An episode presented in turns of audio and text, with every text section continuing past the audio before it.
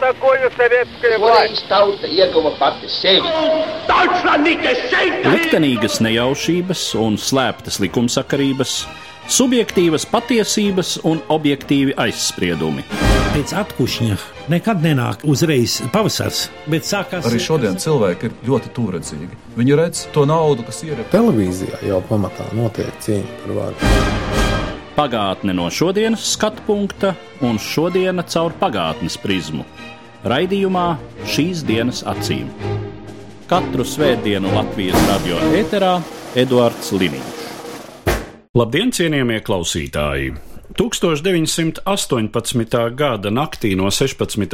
uz 17. jūliju Jekaķerinburgā, tā sauktajā Ipaķieva namā, savu dzīvi beidz pēdējais Krievijas imperators Cārs Nikolais II, viņa sieva Aleksandra Fjodorovna, viņa četras meitas, dēls un bijušais troņmantnieks Aleksejs un arī vairāki cara kalpotāji.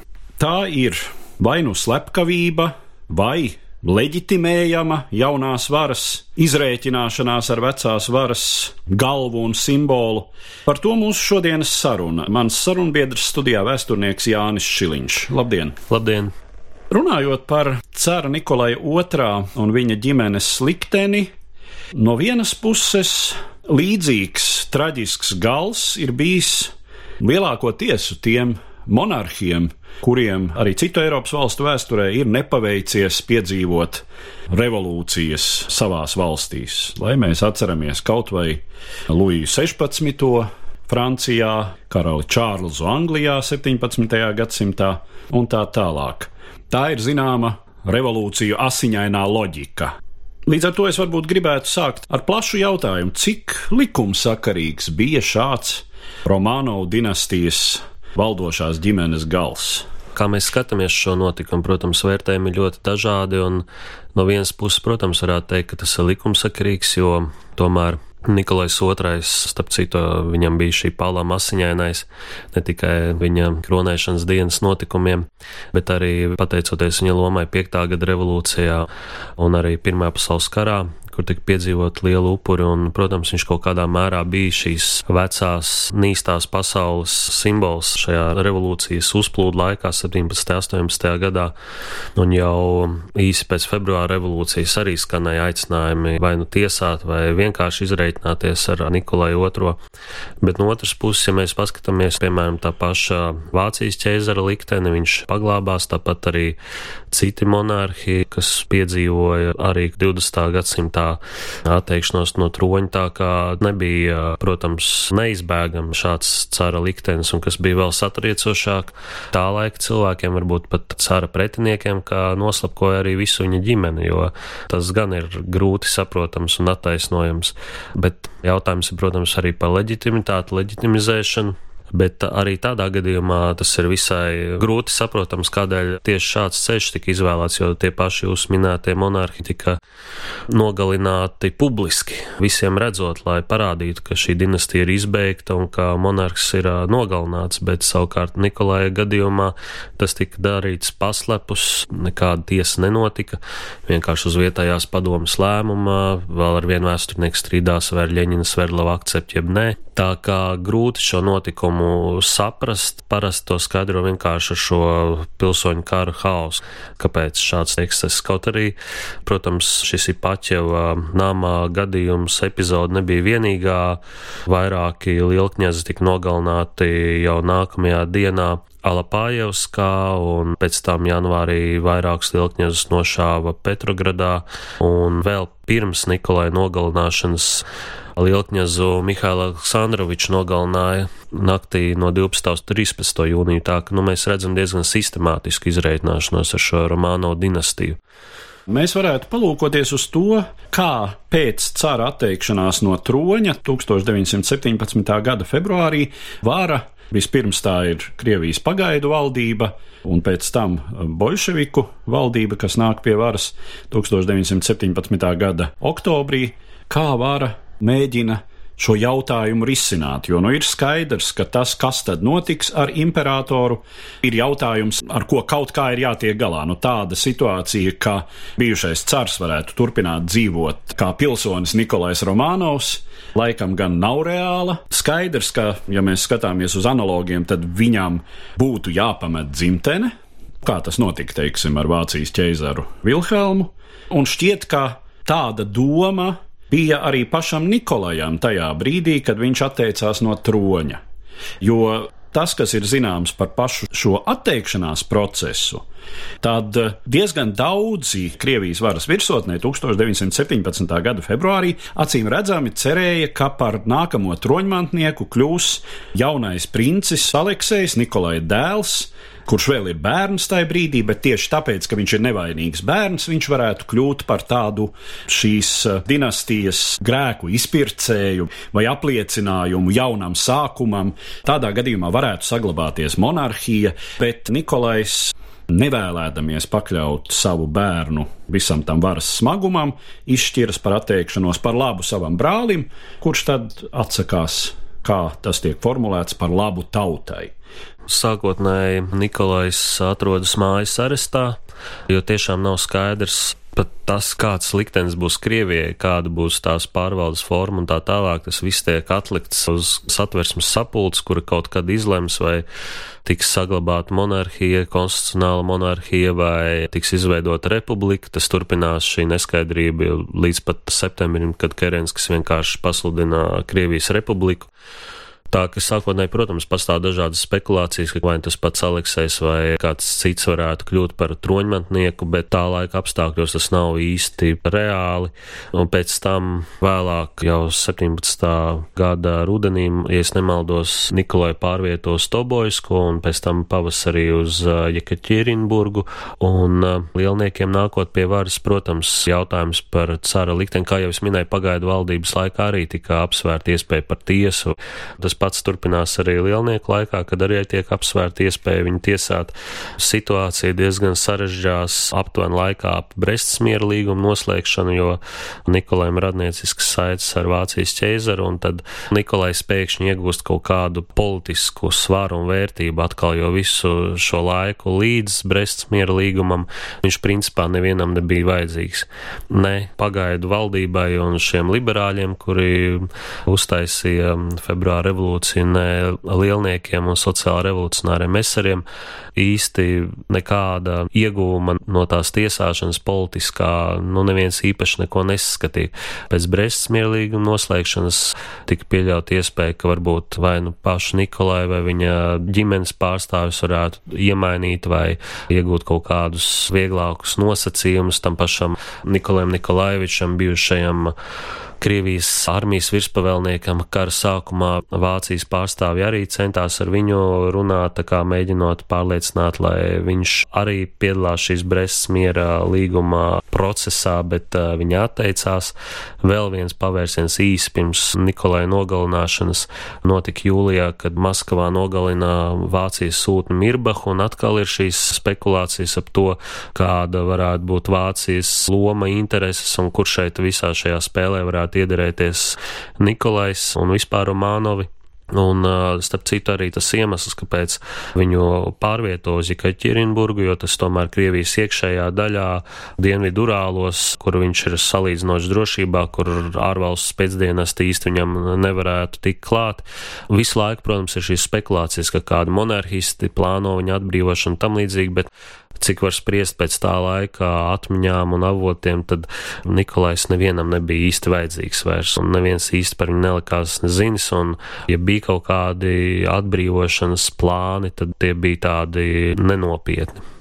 Te mēs faktiski iezīmējam tos spēkus un iespējamās intereses, kas tad lielā mērā noteica Nikolaja likteni. Viens ir patiešām šīs radniecīgās saites ar vairākiem Eiropas karaļnamiem, pie kam saites, jāsaka, vienā un otrā Pirmā pasaules kara frontes pusē, jo Romānovi ir radniecīgi saistīti ne tikai ar Vācijas Hohenzollerniem, bet arī dzen ar Britu valdošo dinastiju, tātad Koburgas Gotas, jeb tajā brīdī tā jau ir pārdēvējusies tieši Pirmā pasaules kara dēļ par Vindzoras dinastiju.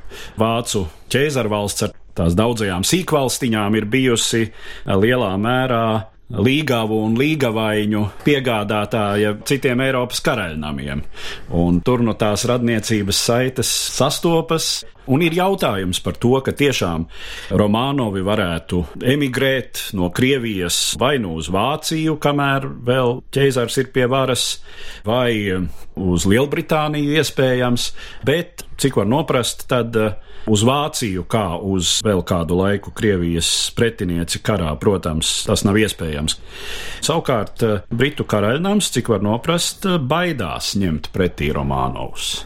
Baidoties, ko par to domās Lielbritānijas kreisie un arī Lielbritānijas strādniecība par to, ka pie Britiem tiek uzņemts gāsts un par asiņainu dēvēts Krievijas cars iespējams traģiskākā lapus šajā visā stāstā, kad šis monarhs, kurš patiesībā ir diezgan daudz izdarījis savas valsts labā un arī bijis visai populārs, ka viņš pēkšņi izrādās nevienam nevajadzīgs un it sevišķi šiem it kā radiniekiem, kuriem arī ir diezgan liela ietekme, kas pat varētu, ja ne uzņemt pie sevis, tad vismaz kaut ko darīt lietas labā un kaut kādu mēģināt organizēt, varbūt kādu viņa atbrīvošanas operāciju vai kaut ko tam līdzīgu, vai mēģināt runāt ar tā laika Krievijas varu vai pagaidu valdību vai arī lielniekiem, bet tas netiek darīts. Un tad jautājums, kāpēc? Nu, varbūt ka viens no izskaidrojumiem varētu būt tas, ka Nikolais tomēr bija diezgan ietiepīgs cilvēks Iespējams, situācija būtu citādāka, ja viņš būtu nedaudz tomēr labvēlīgāks un pretimnākošāks vāciešiem, bet viņš tomēr ieturēja ļoti stingru šo pozīciju, un, kā jau es minēju, arī Nikolai Nikolaiviča gadījumā, ka viņš arī atteicās no sadarbības ar vāciešiem. Anglijā bija savas iekšpolitiskās lietas, un tā jau, ja visi šie karainām arī, kam bija radniecīgās saites, atrada kādus motīvus, lai teiktu, ka atvainojiet, bet šoreiz nē. Jo cik var noprast, tas ir brīdis, kad Revolūcijas dvēsma ir jūtama ne tikai Krievijā, bet daudz kur citur Eiropā. Un Pirmais pasaules karš ir ļoti nogurdinājis psiholoģiski Eiropas nācijas un valdošās elites nekur īsti karojušajās valstīs nejūtas drošas par savu situāciju un likteni. Un tad, kad Nikolais nonāk Dienvidu Sibīrijā, Dienvidu Urālos, tad jau viņa liktenī sāk spēlēt lomu personas un tādi varas līmeņi, kuri būtu grūti domājami jebkurā normālā situācijā. Nu, proti, tā tad joprojām pastāv versija, ka galējo lēmumu par Nikolai un viņa ģimenes iznīcināšanu pieņem turpat uz vietas Urālu vietējā rajona padome, bolševiku varas orgāns, iespējams sazinoties,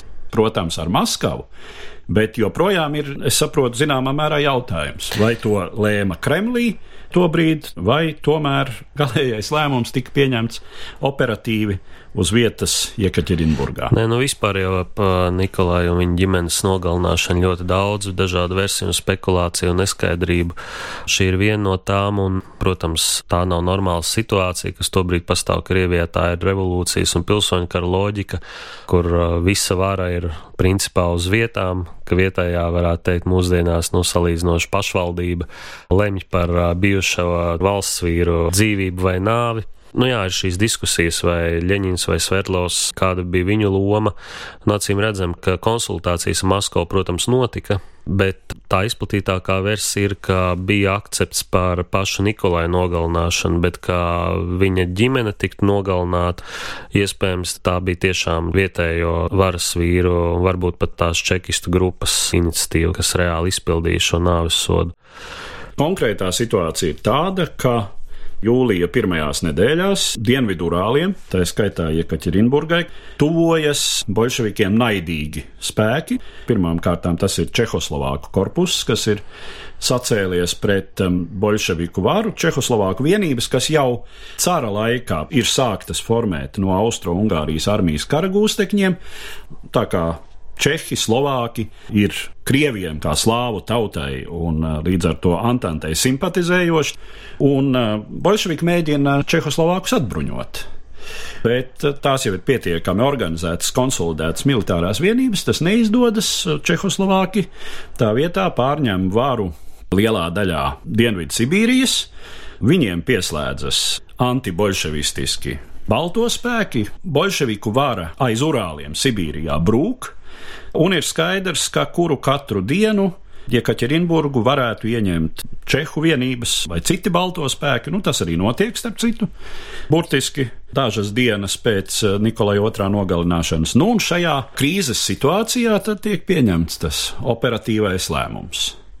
Tās nakts notikumi, cik nu par tiem ir zināms, liecina no vienas puses par ārkārtēju nežēlību, no otras puses arī par tādu neprasmi un bardaku visā, kas tur tiek darīts. Taisnību sakot, pat kārtīgi nošaut nemāk.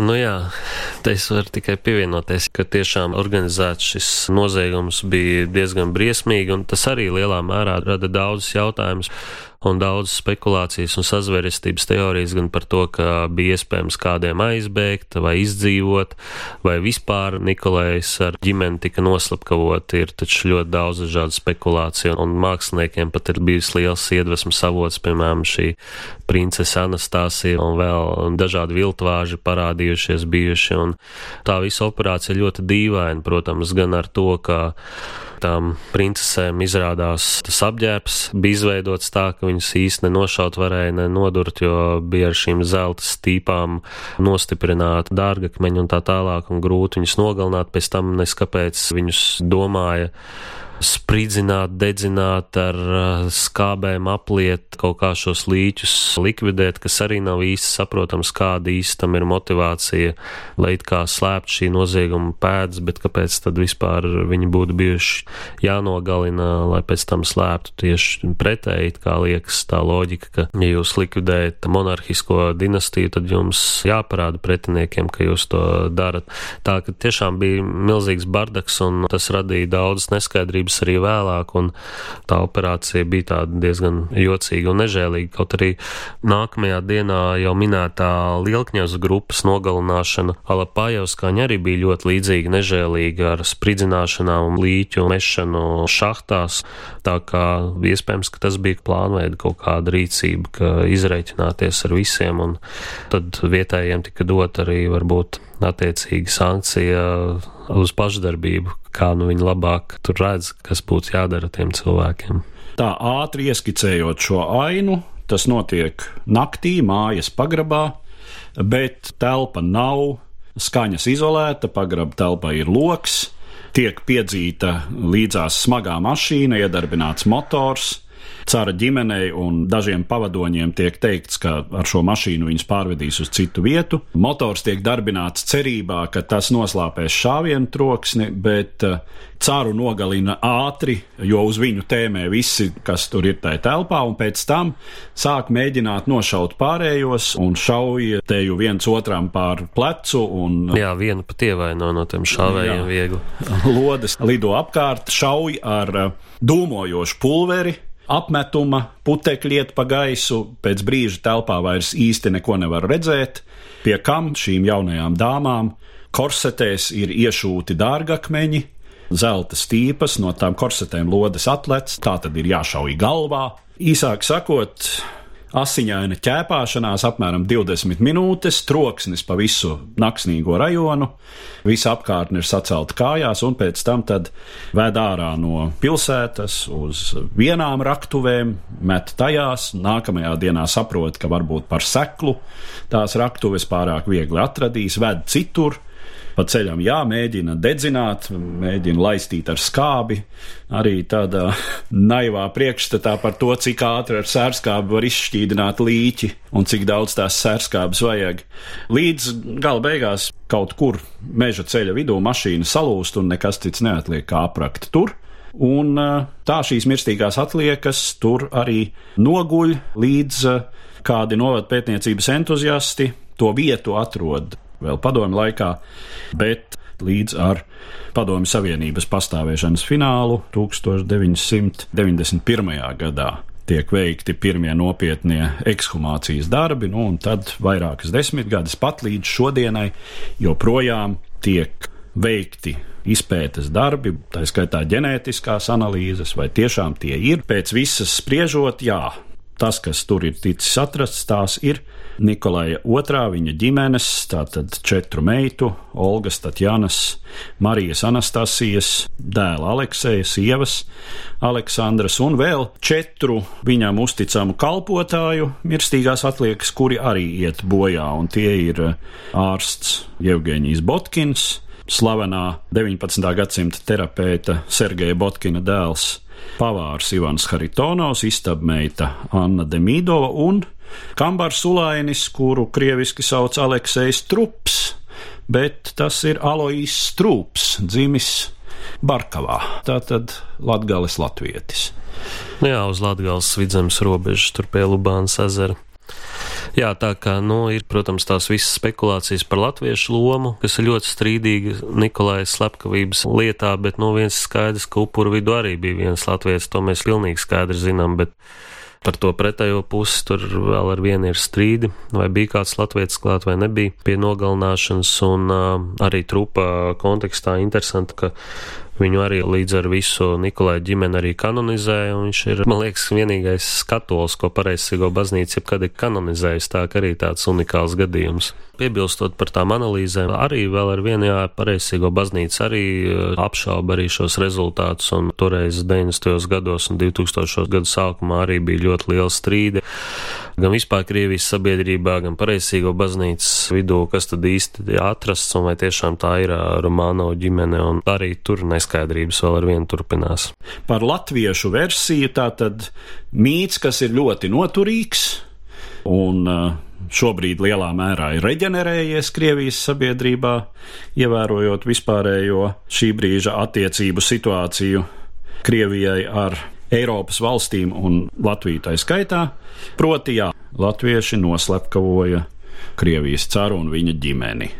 Tas, kas ir zināms, kā parādās Nikolai dienas grāmatu ierakstos, kas ir saglabājušies, vēl kaut kādos līdzīgos biogrāfiskos pierakstos, tas, ka latvieši esot sargājuši, mūs apsargā latvieši, bet eh, tā lieta laikam ir tāda, ka ar latviešiem tā laika Krievijā bieži vien gan Baltie, gan arī bolševiki apzīmēja sarunu valodā visus nekrievu izcelsmes sarkanarmiešus, čekistus, bolševikus un tam līdzīgi. Kāda toreiz nebija mazums ar visām internacionālistu vienībām un tā tālāk.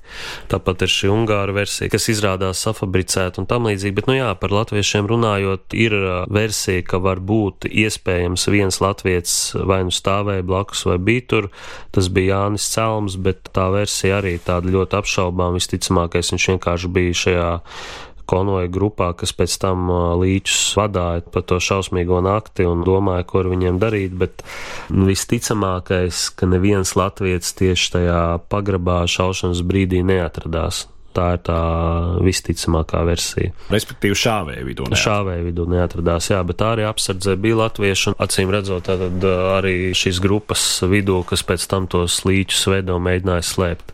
Protams, ka Latviešu loma vispār Krievijas pilsoņu karā tā ir labi zināma, un viņu klātbūtne ir neapstrīdama, jo Krievijā tobrīd bija ļoti daudz latviešu. Gan latvieši, kas tur bija dzīvojuši jau pirms Pirmā pasaules kara, gan ļoti liels skaits latviešu bēgļu un evakuēto Krievijā.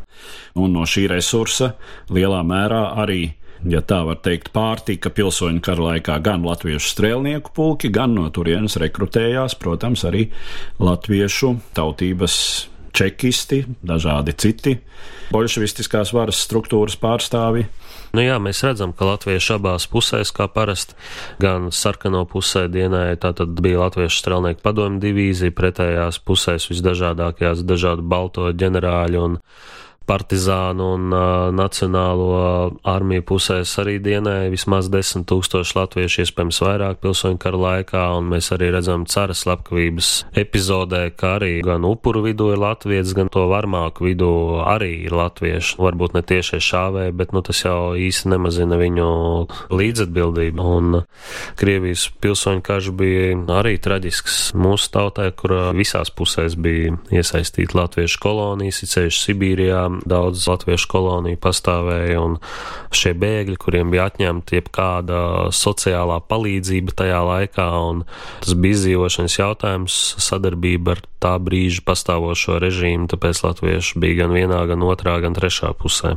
Mēs vēl nepieskārāmies, un arī īsti nav laika aplūkot tās versijas, vai tiešām pastāvēja reāli plāni kādam atbrīvot Nikolaju, ko apgalvoja gan nogalināšanas brīdī, gan vēlāk bolševiku vara. Visticamākais, ka nepastāvēja. Tomēr bažas bailes par to, ka viņš varētu kļūt par faktoru, ap kuru konsolidētos antibolševistiskie spēki, šādas bažas acīm redzot Ļeņina valdībai bija.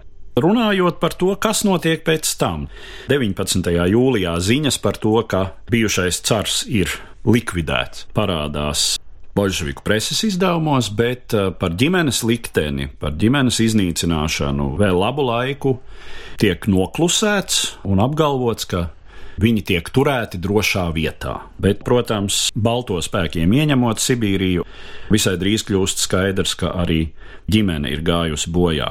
Bet uh, Padomju vara atzīst to, ka visa cara ģimene ir šādā veidā iznīcināta tikai vairākus gadus pēc pilsoņu kara beigām. Kāda ir reakcija pēc tam pasaulē un cik tas ietekmē padomju varas attiecības ar to pašu Vāciju, citām pasaules lielvarām tajā brīdī? Kāda ir tā ietekme uz pilsoņu kara gaitu? Pilsoņu kara gaitu tas īsti neietekmē. Protams, būtu jautājums, ja Nikolais būtu atbrīvots, un tad būtu atkal pretējā pusē šī dilema, ko īsti darīt ar Nikolai. Un cik var spriest eh, no paša Nikolai, ka viņš pats bija patiesībā pārsteigts. Viņš eh, nosvinēja 50 gadu jubileju, salīdzinoši neilgi pirms savas eh, nogalināšanas. Viņš pats esot bijis pārsteigts, ka viņš ir nodzīvojis līdz 50 gadiem. Tā ka viņam arī nebija īpaši ilūzija par to, kas varētu ar viņu notikt. Tā kā galvenais lielnieku pretspēks bija tomēr nevis monarhisti, kas bija salīdzinoši neliela daļa šajā pretlielnieciskajā kustībā, bet satversmes sapulces atbalstītāji, šie demokrātiski liberālie, sociālistiskie spēki, kuriem arī Nikolais bija patvaldības un vecās ļaunās sistēmas simbols, tad ļoti apšaubām, ka viņi varētu konsolidēties kādi pretlielnieciskie spēki un ka viņš varētu būt spēcīgs faktors Krievijas pilsoņu karā. Par lielvalstu valstu reakciju. Tā laika apstākļos visaktuālākais jautājums bija par Vāciju, ko teiks Vācija. Mēs nezinām tiešām, kas būtu noticis, ja lielnieki būtu paziņojuši, ka viņi ir nogalinājuši visu ģimeni. Tikko ir Maskavā noslapkavots Vācijas sūtnis.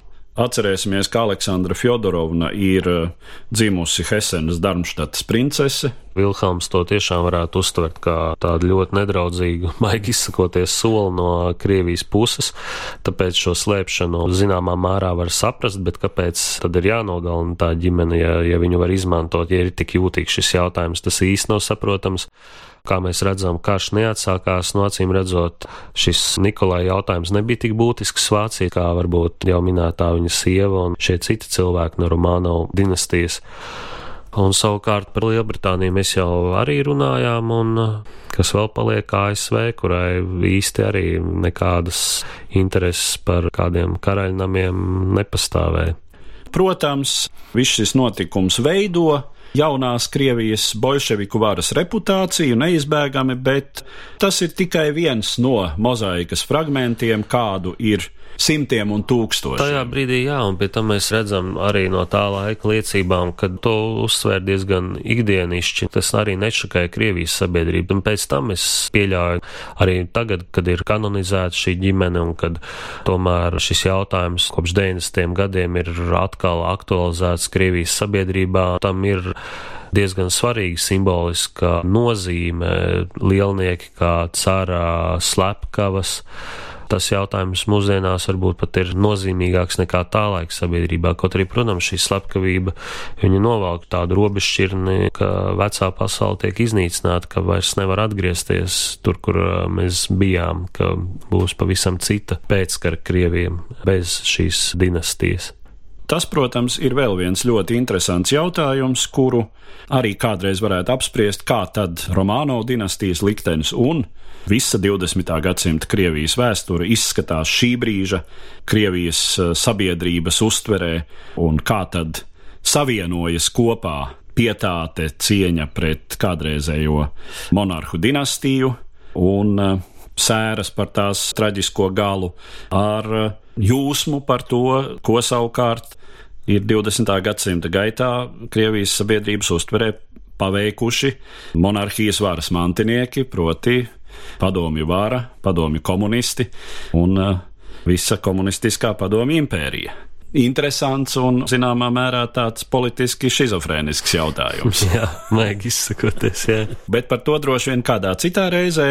Šoreiz līdz ar to arī mēs noslēdzam mūsu sarunu, kas bija veltīta cara Nikolaja II un viņa ģimenes noslepkavošanai pirms simts gadiem, 1918. gada naktī no 16. uz 17. jūliju, un es saku paldies manam sarunbiedram, vēsturniekam Jānim Šiliņam. Paldies, visu labu!